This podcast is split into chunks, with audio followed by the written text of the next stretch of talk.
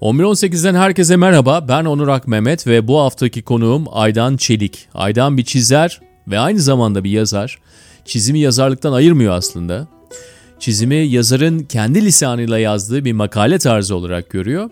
İstanbul Üniversitesi'nde İktisat Tarihi ve Mimar Sinan'da heykel okuyor. Eğitim serüveninin en başını biraz sonra dinleyeceğiz zaten. Sokrates ve Toplumsal Tarih dergilerinin yayın kurulu üyeliğini yapıyor ve zaman zaman da bu dergilerin kapaklarını çiziyor.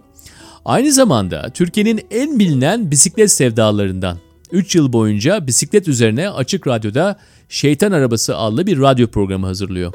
2010 yılında Avrupa Kültür Başkenti için ilk olarak Sedona İstanbul isimli bir bisiklet tasarlıyor ve ondan sonra da bisiklet tasarlamaya devam ediyor. Yani bisiklet tutkusu sayesinde tasarımcılığa da adım atıyor. Ve bu tasarladığı bisikletlerle Türkiye'nin çeşitli yerlerine geziler tertipliyor. Biz de onu bu bisikletli seyahatlerinden biri sonrasında Taksim'deki stüdyomuzda ağırladık. Şuradan başlayalım. Hafta sonu Kapadokya'dayım dedin. Biraz oradan devam edelim isterim. Ee, nasıl oluyor da ya o topografide bisiklet kullanılabiliyor? E, Kapadokya benim acayip sevdiğim bir yer. Yani kaç yıl oldu göreli hatırlamıyorum ama herhalde bir çeyrek asırı geçti. Ve gördüğüm günden beri aşık olduğum yerlerden biri. Yani çok sihirli bir yer. Kapadokya'da bisiklet. oradan zaten hani buraya geldim. Ee, Ayağın tozuyla buradasın. Aynen aynen. Yani Kapadokya'nın tozuyla var. buradayım yani. Hatta bir bisikletimiz var bizim Troya diye bir Troya atı hikayesini yani Homer'in o meşhur e, hikayesini tersine çevirme iddiasında bulunduğumuz. Yani şöyle bir şey. Şey, Troya şehri bir tahta at hilesiyle düşürüldü. Bugün de şehirlerin kaderi aynı. Çünkü şehirler de bugün işgali altında. Neyin işgali altında? Motorize kültürün ve rant kültürün işgali altında. Biz şehirlerimizi geri istiyoruz bisikletli olarak diye. O böyle bir hikayenin temellendirdiği bir bisiklet tasarımı var. Bir katlanır bisiklet. O bisikletle her ay bir yere gidiyoruz. Bu ayda Kapadokya'ya gittik. Troya atını güzel atlar ülkesine götürdük diye de bir benzetme yaptık. İki gün bindik oralarda. Ee, büyük keyifle bindik. Nasıl bindiğimize gelince Kapadokya'da her çeşit bisikletle gidebileceğiniz sonsuz alternatif var. Dağ bisikletiyle, yol yarış bisikletiyle, katlanır bisikletle, bu işte bakkal bisikletiyle sonuçta iki teker olsun, pedalı dönsün. Gidebileceğiniz çok fazla alternatif var. Hiç sıkıntı yok yani. Bisiklet hakkında her her zaman böyle bir kanı vardır. Genel kanı olarak söylüyorum bunu. Düz yerde bisiklet kullanılır. İşte nasıl İstanbul'da bisiklete binilir? İşte e, eski İstanbul'un Yeditepe'li olmasından e, örnekli ama sen de yaklaşık 5-6 ay önce İstanbul Bisiklet Rehberi diye bir kitap çıkardın ve bununla ilgili de çok insanla da konuştun. Hı hı. E, nasıl e, reaksiyonlar geliyor? Nasıl bir e, tepki aldın kitabı? Şimdi kitabın başlangıcında yani ön sözünde bir e, YouTube kanalına gönderme yapıyorum. Diyorum ki otopazarı ve artist kelimelerini yazın. Göreceksiniz diye. Hikaye malum. Yani buradan dinleyenler de girip bakabilirler daha önce görmedilerse. Bir yerel televizyon muhabiri bir otopazarında bir adama mikrofon uzatıyor. İyi günler diyor. Otopazarında bir artış var mı diyor. Adam da artış kelimesini artiz anlıyor. Otopazarında artist ne arar la diyor. Biz burada araba alıp satıyoruz. Artist işi bize gelmez. Biz burada araba alıp satıyoruz filan diyor. Uzun süre bu artist üzerinden gidiyor. Sonra da artış olduğunu öğrenince kelimenin aslının ha öyle mi diyor. Tekrar hiç gayet pişkinlikle devam ediyor. Ben de bunu şuna bağlıyorum ön sözde. İstanbul'da bisiklet mi? İstanbul'da bisiklet ne arar la? Filan gibi böyle bir Karadeniz şeyle o gönderme yapıyorum. İstanbul'da bisiklet zaten var. Ha, olması gerektiği kadar mı? Hayır. Var. İkincisi bisiklet ve topografi ilişkisi üstüne hani çok kullandığım bir deyimdir ama burada da kullanayım. İstanbul'da bisikletin yaygın olmama nedeni e, topografik değil ideolojik bir meseledir. Bir zihinsel engel anlamında ideolojiyi kullanıyorum. Yani, yani kafamızda bir blok var. Aynen öyle. Yani birincisi bu şehir evet. Hani bir laf var ya adamı bir ilk defa İstanbul'a geldiğinde şey demiş. Arkadaşına mektup yazmış. Ben bu İstanbul'dan hiçbir şey anlamadım. Her yer dağlık tepelik. Bir tane düz yer var or- orayı da suyla doldurmuşlar diye bir benzetme yapıyor. Ee, birincisi yokuş çok önemli bir konu değil. Eğer bisikleti binmek istiyorsanız. Zaten bisiklet öyle bir nesne ki giderek yokuş arar hale getiren sizi bir nesne. Sizi çok dönüştüren bir şey bisiklet. Sizi ehlileştiren. Hani evinize bir kedi aldığınızda bir köpekle aldığınız kelimesi bile yanlış da bir kediyle köpekle ya da sizden tırnak içinde daha az yetkin bir canlı ile ilişki kurduğunuzda o sizi eğitir ya. dönüştürür, şekillendirir. Bir bebek için de geçerlidir bu. Bisiklet de böyle bir şey. Sizi dönüştüren bir şey zaten. Bisiklet bir süre sonra sizi çıkacak yokuş arar hale getiren bir şey aslında. Mesela ben yokuş çıkmayı seven bir adam. Yokuş arıyoruz biz. Yani buna gönül vermiş insanlar. Hollanda'ya gitti arkadaşlarım benim bu son beyin göçünde. Ya hiç yokuş yok diye şikayet ediyorlar ama Allah'tan rüzgar var diyorlar. Karşıdan esiyor da birazcık. Çünkü arının çektiği kahrı bilmeyen balın kıymetini bilmez diye o halk deyişi bisikletle ilgili çok oturan bir cümle bence. Mesele yokuş değil aslında. Mesele başka yerlerde aranması gereken bir duruma işaret ediyor bence. Aydan e, 2012'de bir kitabın çıktı. Bir tur versene. Çok seviyorum bu deyimi. Evet. Hepimizin çocukluğunda kullandığı bir deyimdir esasda. Evet. E, aynı zamanda tabii bisiklet de bir bir arzu nesnesi yani bir bisikleti gördüğün zaman Şüphesiz. zaten hani iki ayaklısın ama öyle bir şey ki e, bir yerden bir yere gitmek için işte yani o bahçelerimizde de oynadığımız tarlalarda da belli bir yeri vardı ya bisikletin. Ya buradan girmişken bu soru sana çok sorulmuştur tabii ama buradan girelim. Yani çocukluktaki o tec- deneyimden girelim. İlla bisikletin kendisi değil ama nerede büyüdün? Bu, bu deneyimlerden nasıl geçtin? Ya o zaman da da hmm. böyle hani gözlerin açık mıydı? Etrafa bakar mıydın? Ne gördün gördüğün zaman? Şöyle e, Kafkasya kökenliyim ben. Yani 1864 ünlü Kafkasya sürgününde gelmiş iki ailenin anne ve baba tarafından çocuğuyum. Uzun yıllar kapalı kalmış. Kayseri'nin Uzunyayla bölgesi denen bölgede Çerkes kolonisidir orası. Ee, insanların e, işte 60'larda falan dışarıya yavaş yavaş açılmaya başladıkları bir coğrafyadan aslında geliyor kökenim. Ve e, Sivas'ın Gürün'üne gidiyor benim ailem. Hani babam işte çocuklarını okutmak için hayatını şey Harika bir göl vardır orada Gürün'de. Gökpınar olağanüstüdür hakikaten. Çocukluğum orada geçti. Ee, ve çok şanslı addederim kendimi orada büyüdüğüm için. Ee, babam da esnaftı. Mesela çizerliğimin e, bunu daha önce anlattım ama çok oldu anlatalı. Uzun yıllar sonra ilk defa anlatıyorum. Yani çizgiye olan merakımın, çizgiyi beslemesinin yani e, hayatımın şöyle bir şey var. Poşet endüstrisi bu kadar gelişmiş değildi diye açıklıyorum. Çünkü babam esnaftı ve o dönem kese kağıdı yaygındı. Kese kağıdı yaygın olduğu için poşet yoktu o zamanlar. Çok azdı. Ve ben bütün kese kağıtlarını çizim yapıyordum. Yani elimde bir kalem. Sürekli kese kağıtlarını dolduruyordum. Yani bizden alınan şeyler, ürünler babamın dükkanından üstü çizilmiş oluyordu. Hatta 1973 yılında demek ki 7 yaşındaydım e, İsmet İnönü öldüğünde onun portrelerini çiziyormuşum. Bir amca saklamış onu yıllar evvel. Bir de yaşadığı dönemde Türkiye'nin en eski gazete bayi olduğu Hürriyet gazetesine çıkmış e, bir Fehmi amca vardı. Fehmi amcanın e, öğleyin gazeteler gelirdi ve ben o gazetelerin açılmasına yardım ederdim. Gider. E, ve o gazetelerin üstünde, balyaların üstünde gazete olur ama basılmamış gazete olurdu. Bu acayip bir kağıt demek ya. Bir gazete açıyorsunuz hiç basılmamış. Ben elimi kalem kağıt onlara haldır olur giriyordum. Yani çizmek zaten kendi başına çok zevkli bir şey. Bir de marifet iltifata tabidir diye çok güzel bir laf var. Etrafınızdan da hele o yaşta şey alıyorsanız işte çiziyorsunuz filan. İlkokulda zayıf getirdim tek ders resimdir mesela. Çünkü öğretmenin istediğini çizmiyordum ve kendi şeyime bu, bu bayağı bir bağımsızlık manifestosu gibi bir şey aslına bakarsan. Ee, ve çizgi serüveni oradan. Kitap okumayı çok seven bir baba var ve çok güzel bir kütüphane var. Ee, kitap okuma ve çizgi romanlar. O Fehmi amcanın dükkanından alınan hiçbiri kaçırılmayan çizgi romanlar var. Hepsini hayırla yad ediyorum. Yani müthiş insanlar bunlar hayatımda yer tutan. Bir de o çocukluğa dair e, işte yarım asrı geçen hayatımda aldığım en doğru kararın ee, şöyle ben çok çocuklu bir ailenin çocuğuyum. Altısı hayatta, dördü küçük yaşlarda ölmüş. On kardeşiz. Çocuklar bir an önce hani ayak altından çekilsin diye okula gönderiliyoruz biz. İşte benden bir 7-8 yaş büyük bir abim var. Okula gidiyor. Okul birincisi falan falan. Ve aramızda 8-9 yaşa rağmen ben bir rekabet halindeyim onunla. Orhan Pamuk, Şevket Pamuk durumu gibi. Okula gittim. Ve okulun öğle tatillerine eve dönüyorum. O dönem iftihar diye bir kelime var. Takdirname yok da. Abim de iftihar almış. Bir süre evde bizimkiler asıyorlar, biriktiriyorlar, oğullarıyla hava atıyorlar falan. Ben de e, hayattaki en büyük rakip olarak onu görüyorum. Yani bunu devirirsem diyorum hayatta her şeyi deviririm filan modundayım. İşin kötüsü de şu o abi sürekli destek veriyor bana. Hani şey yapmıyor, ezmiyor. Ezse daha da kendime meşru bir zemin şey yapacağım ama e, neyse şaka bir yana okula gittim. E, üçüncü, beşinci gün bir düdüklü kalem tıraşım vardı. Ve düdüklü kalem tıraşı yanındaki çocuk çalsana dedi. Ve ben düdüklü kalem tıraşı çaldım.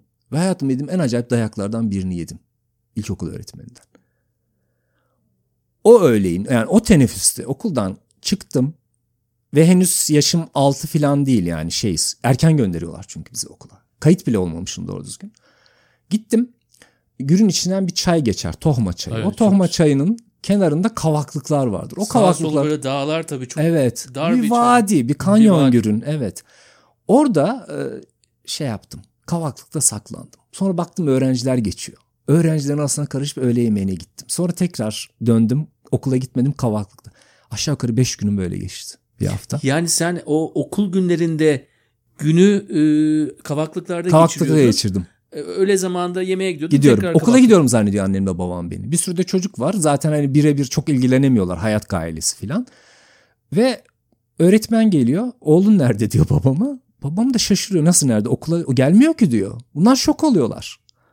Ve ondan sonra babam alıyor beni karşısına ne oldu diyor. Beni dövdü çok kötü diyorum. Ben de sana söyleyemedim. O yıllarda çünkü öğretmen dayağı meşru bir şeydi. Peki diyor gitme o zaman diyor. Ve ben o sene okula gitmedim. Zaten yaşım küçüktü. Ertesi sene de dünyanın en tatlı insanlarından biri hocam oldu. Çok acayip çocuk sevgisiyle dolu bir Suzan öğretmen diye bir hocanın öğrencisi oldum. Ve çok yolumu açmış insanlardan biridir. Ve hayatımda aldığım en doğru kararın 6 yaşında aldığım karar olduğunu düşünürüm. Bernard Shaw'ın o ünlü lafı var ya işte çok küçük yaşlarda eğitimi okula gittiğim için eğitimime uzun yıllar ara vermek zorunda kaldım diyor. Hani o çok sevdiğim bir laf. Bernard Shaw'ı da zaten çok seviyorum. E, kişisel hikayemde de böyle bir detay var. Ve halen övünürüm o kararına. yani sonra... Baban da o şansı vermiş ama sana. Aa, yani. Çok ilginç. Yok hayır gideceksin falan deseydi ihtimal ki ortaokul 2 terktim yani. Çok eminim. Çünkü o insanın e, öğrencilerini zannetmiyorum ortaokul 2'den sonra devam ettiklerini. Okuldan nefret etmek için her şey e, mümkün de o sınıfta yani. Öyle. Zaten muhtemelen memleket e, ortalaması orta iki terktir diye düşünüyorum. Ben orta iki çok enteresan bir sınıftır. E tam ergenlik zamanı. Ah, evet tam öyle çok ergenlik çocukluk arası kesit. Öyle bir hikaye. Ve çocukluktaki krizlerin de ergenlikte bir bakıma yüzeye çıktığı evet, zamanlardır. Yani evet. E, Kapadokya'dan girdik, Gürün'den çıktık. Bir tane daha Gürün sorusuyla devam edeyim. Çünkü e, tabii eski bir Ermeni şehri ama evet. aynı zamanda hatta hikayesi vardır o e, vadinin iki tarafındaki dağlar arasında gidilebilecek yollar olduğu bile söylenir. Yani aradan evet, yollar yapılmıştır evet. diye böyle efsaneleri de vardır. Evet. E, ama şu andaki haliyle de e, çeşitli kültürlerin de bir arada yaşadığı da bir yer. Yani evet. Alevi Sünni Tabii. olsun en azından ondan başlatayım. Evet toplumsal olarak ne vardı senin için o zamanlarda? Hani e, etnik kimlik anlamında sormuyorum illa ama e, orada o çocuklukta ne hissetmiştin? E, aileyi konuştuk biraz, okulu konuştuk. Biraz da o e, mahalle ve e, kasabayı konuşalım. Şöyle e, 1966, 65, 66 o yıllarda mesela ben doğduğumda Süleyman Demirel taze başbakandı. Ee, işte Yuri Gagarin bir yerlere gitmişti. Yukarıda bir yerlere. Uzaya ilk çıkmıştı. filan. Yani insan hani bir tarihin bir dilimine doğuyor, atılıyor neyse artık diyeyim. Ve şöyle bir şey. Şimdi buradan geriye baktığımda sadece Gürün değil ama Gürün'e bağlayacağım bu konuyu. Geriye baktığımda Türkiye tarihinde bu 1960'ların ikinci yarısı yani işte 63, 64, 65'den 70'lerin ortalarına kadar ki 10 yıllık zaman dilimi Türkiye'nin tarihinde çok acayip bir zaman dilimi. Yani çok enteresan. Bir çeşit tırnak içinde kullanılan bir ifade ama vaha bir çeşit gibi. rönesans, Hı. vaha gibi yani. Çok inanılmaz. Niye? Çünkü en ufak kasabaya gidin. Ben yerel, yerel tarih falan gibi şeylere de merakım var gittiğim yerlerde hani şey yapıyorum. Hani bu e, bisiklet vesilesiyle gittiğim yerlerde de sevdiğim de bir şey bu. İşte bir küçücük kasabada ne bileyim üç tane gazete çıkıyor. tiyatrolar oynanıyor. Müzik grupları çıkıyor ve hani bu kendi bölgelerinde de kalmıyorlar. Mesela gidin altın plak şarkı yarışmalarına o kadar acayip onun külliyatında yerlerden çıkmış orkestralar katılmışlar ki ya da başvuruda bulmuşlar. Hatta e, Erkin Koray'ın bir lafı var ya hani nasıl oldu siz böyle hani bir şey oldu böyle bir memlekette bir sürü insan geldi ve Türkiye'nin bir anda inanılmaz bir şeyi çıktı. Yani hani patladı Türkiye olumlu anlamda birçok şey. Nasıl açıklıyorsunuz bunu dediklerinde? Vallahi herhalde uzayda bir elektrik hasıl oldu. Biz de oradan çıktık gibi bir laf ediyor. Ben o dönem zaman dilim içine doğmuş bir çocuğum. Şimdi geriye baktığımda, kendi kişisel tarihindeki o zaman dilimlerine baktığımda tabii o sonrası yıllar tatsız. İşte 75-76'dan sonraki Türkiye işte 12 Eylül'ün gelmesi vesaire tatsız. Ama Gür'ün hakikaten biz e, Aşkanı diye bir dergi çıkardık vakti zamanda. Aşhane yani mutfak anlamında bir deyimdir. Ve Gürün'le ilgili ben işte e, yazıp çiziyordum orada da. Ve işte Gürün'ün velileri diye Gürün'ün delisi boldur mesela. Onları çiziyordum. Hatta babamdan miras bir deli kokusu vardır üzerimde derim. Çünkü bir yere gittiğimde İtalya'da bile Roma'nın işte bilmem ne delisi gelip sigara istiyorsa deliler ve çocuklar ve hayvanlar geliyorsa sorun yok sizdedir filan diye bir şeyim var. Bu bile kendi başına aslında büyük bir zenginlik. Çünkü o diğer kamlığın, sahiplenmenin, o insanlar kendi başlarına hayatlarını sürdüremiyorlar. O işte veli diye benim ifade ettiklerim. Onların nasıl hani beslendiği, e, nasıl kollandığı, nasıl kanat gerildiği detayı, hikayesi bile aslında o çocukluk dönemine dair sıkı işaret. Diğer taraftan o yıllarda Gürün'de üniversite okuma oranı çok yüksekti. Çok fazla üniversitede okuyan ve Türkiye'nin iyi üniversitelerinde okuyan işte ODTÜ'de, Mülkiye'de, çeşitli tıp fakültelerinde okuyan insanlar yazın Gürün'e gelirlerdi abiler. Biz işte ilkokuldayız, ortaokuluz. Acayip bir yer olurdu orası. Tiyatrolar olur, bilmem neler olur, konser grupları gelir falan. Acayip bir şey hakikaten. E, bir de şeyler gelirdi. Çadır çingeneler gelirdi. Hani bu deyimi yani roman demiyorum ya da roman diyeyim hani bir political correctly durumu var ya artık bu konularda ama ee, ve onlar da başka bir boyut katarlardı mevzuya. Yani çok acayip, çok hareketli, çok zevkli bir çocukluk dönemiydi ve Türkiye'nin zaten o yılları her yerde çok güzel. Kim de konuşsa işte galiba popüler örneği en iyi de Yılmaz Erdoğan'ın vizyon telefilmleri. Yani o aşağı yukarı aynı yaştayız onunla. Benzer bir çocukluk. Yani ağaçların tepelerinde bazen diplerinde düşerek işte haftada iki film birden. E şöyle düşünün yani haftada iki sinema var. Dört film seyrediyoruz. Senede 54 hafta, 52 hafta çarpı 4, 200 film. 10 senede 2000 film eder. Yani öyle bir farkında olmadan zihninize işlemiş. Hangi Türk filmi seyretsem sahneleri hatırlıyorum mesela. Gibi bir şey. Film izlediğin zaman dışarıda mı izliyorsunuz yoksa içi şeyde ee, Ben açık hava sinemalarına denk gelmedim. Gününde bir sinema e, Türkiye'deki her yerde olduğu gibi emek sinemasıydı adı. Mesela emek sineması yıkılırken sadece buradaki emek sineması yıkılmadı. Tamam yani yerine yenisini yapıyoruz falan muhabbeti yapıldı falan. Son durum bilmiyorum nedir ama. Üst katta. Evet üst kata çıkaracağız diyorlardı. Türkiye'de her yerde emek sineması vardı. Ve Türkiye'de her yerde Emirgan Çay Bahçesi vardı. Yani deniz olmasa bile Emirgan Çay Bahçesi vardı. Bir emek sineması. De de kale sinemasıydı. Kale sineması eski bir kiliseydi. Şimdi restore ediliyor bir Ermeni kilisesiydi. Çok görkemli bir kiliseydi. Sinema vardı orası sinemaydı. Türk ve yabancı filmleri mi izliyordunuz orada? Her çeşit evet. Hatta benim ergenliğime de o erotik Türk filmleri gelmeye başlamıştı filan. Onlar oynatılıyordu oralarda. Sinemada oynatılıyordu onlar. Tabii tabii.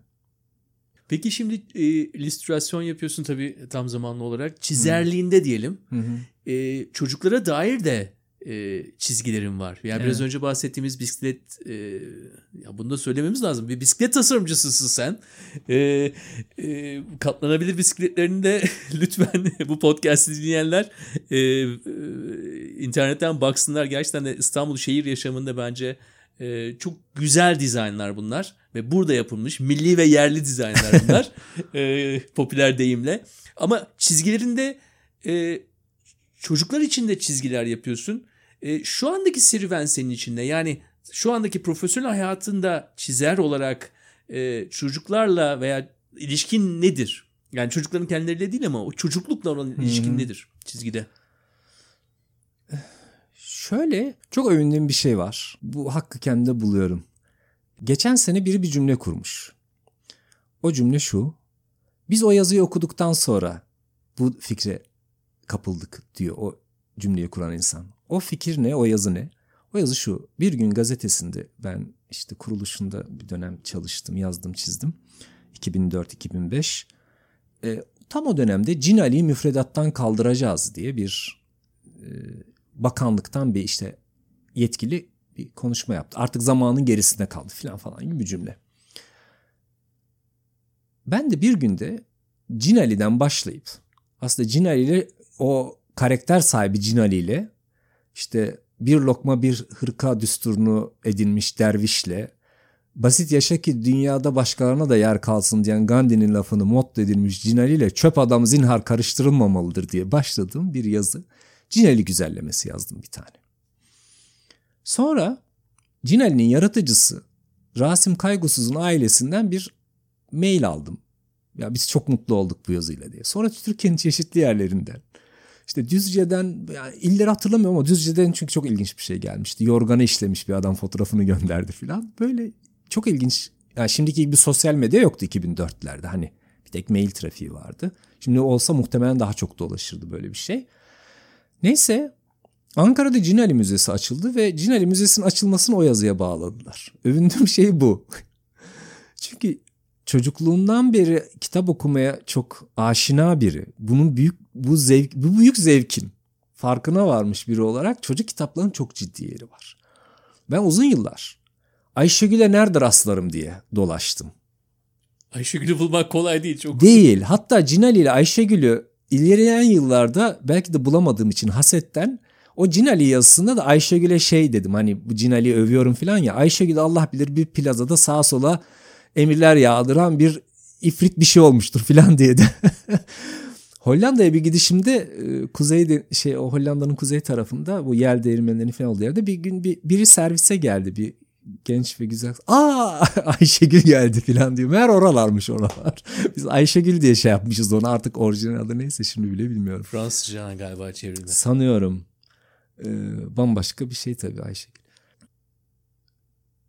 E zaten bisiklet, çizmek, yazmak hepimizin çocukken bağlandı. Sonra birazcık da tırnak içinde ihanet ettiğimiz şeyler. Ben yani onu devam ettirdim diye söylüyorum.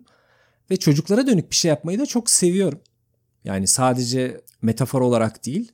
Darüşşafaka Lisesi'nde bir dönem çizgi film yaptık çocuklarla beraber. Çorap Söküğü Böcüğü diye. Maalesef şeyini de kaybettiğimiz, kayıtlarını bulamadığımız. Onlarla çalışmak çok keyifli ama zaman sorunu yaşadığım için de birazcık gündelik hayatımda o o tür çocuklarla bil fiil çalışma şeyini ara verdim ama hani e, şöyle bir detay söyleyeyim son olarak.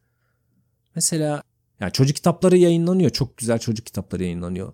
Ama işte kitapçıya girince görmüyoruz onları. İlk onları da çıkartmaları lazım mesela. Kabaca böyle. Kafamda birkaç çocuk kitabı fikri de var bu arada. Vakit bulursam yazmak, çizmek istiyorum yani. E, tabii tarihle olan ilgini de biliyoruz. Biraz da bahsettiğin konularla ilgili şöyle bir şey aklıma geldi. E, ülkemiz özelinde de konuştuk ama e, günümüzü de biraz konuşalım. Hı hı. E, günümüzün de çok değişik e, dengelerinin değiştiği bir zaman e, değil yetişkin olmak çocuk olmak hepsi zor zaten yani hepsinde evet. ayrı bir dengeler e, bütünü içerisindeyiz. E, biraz yani tarihe bakan bir insanın günümüze ve geleceğe baktığı zaman hani o konseptler dahilinde ne diyebilirsin bize? Sen ne görüyorsun? Nasıl bir e, nasıl bir gelecek var? Veya hani hani illa bunu bir değerlendirme hakkı bir görmüyorum ama bir görselleştirdiğin zaman senin acaba e, zihnine hangi görseller geliyor gibi düşünüyorum. Valla bazen işte Beşinci Element filmi geliyor. Bazen de Mad Max filmi geliyor. ee, bazen de işte Maymunlar Cehennemi geliyor.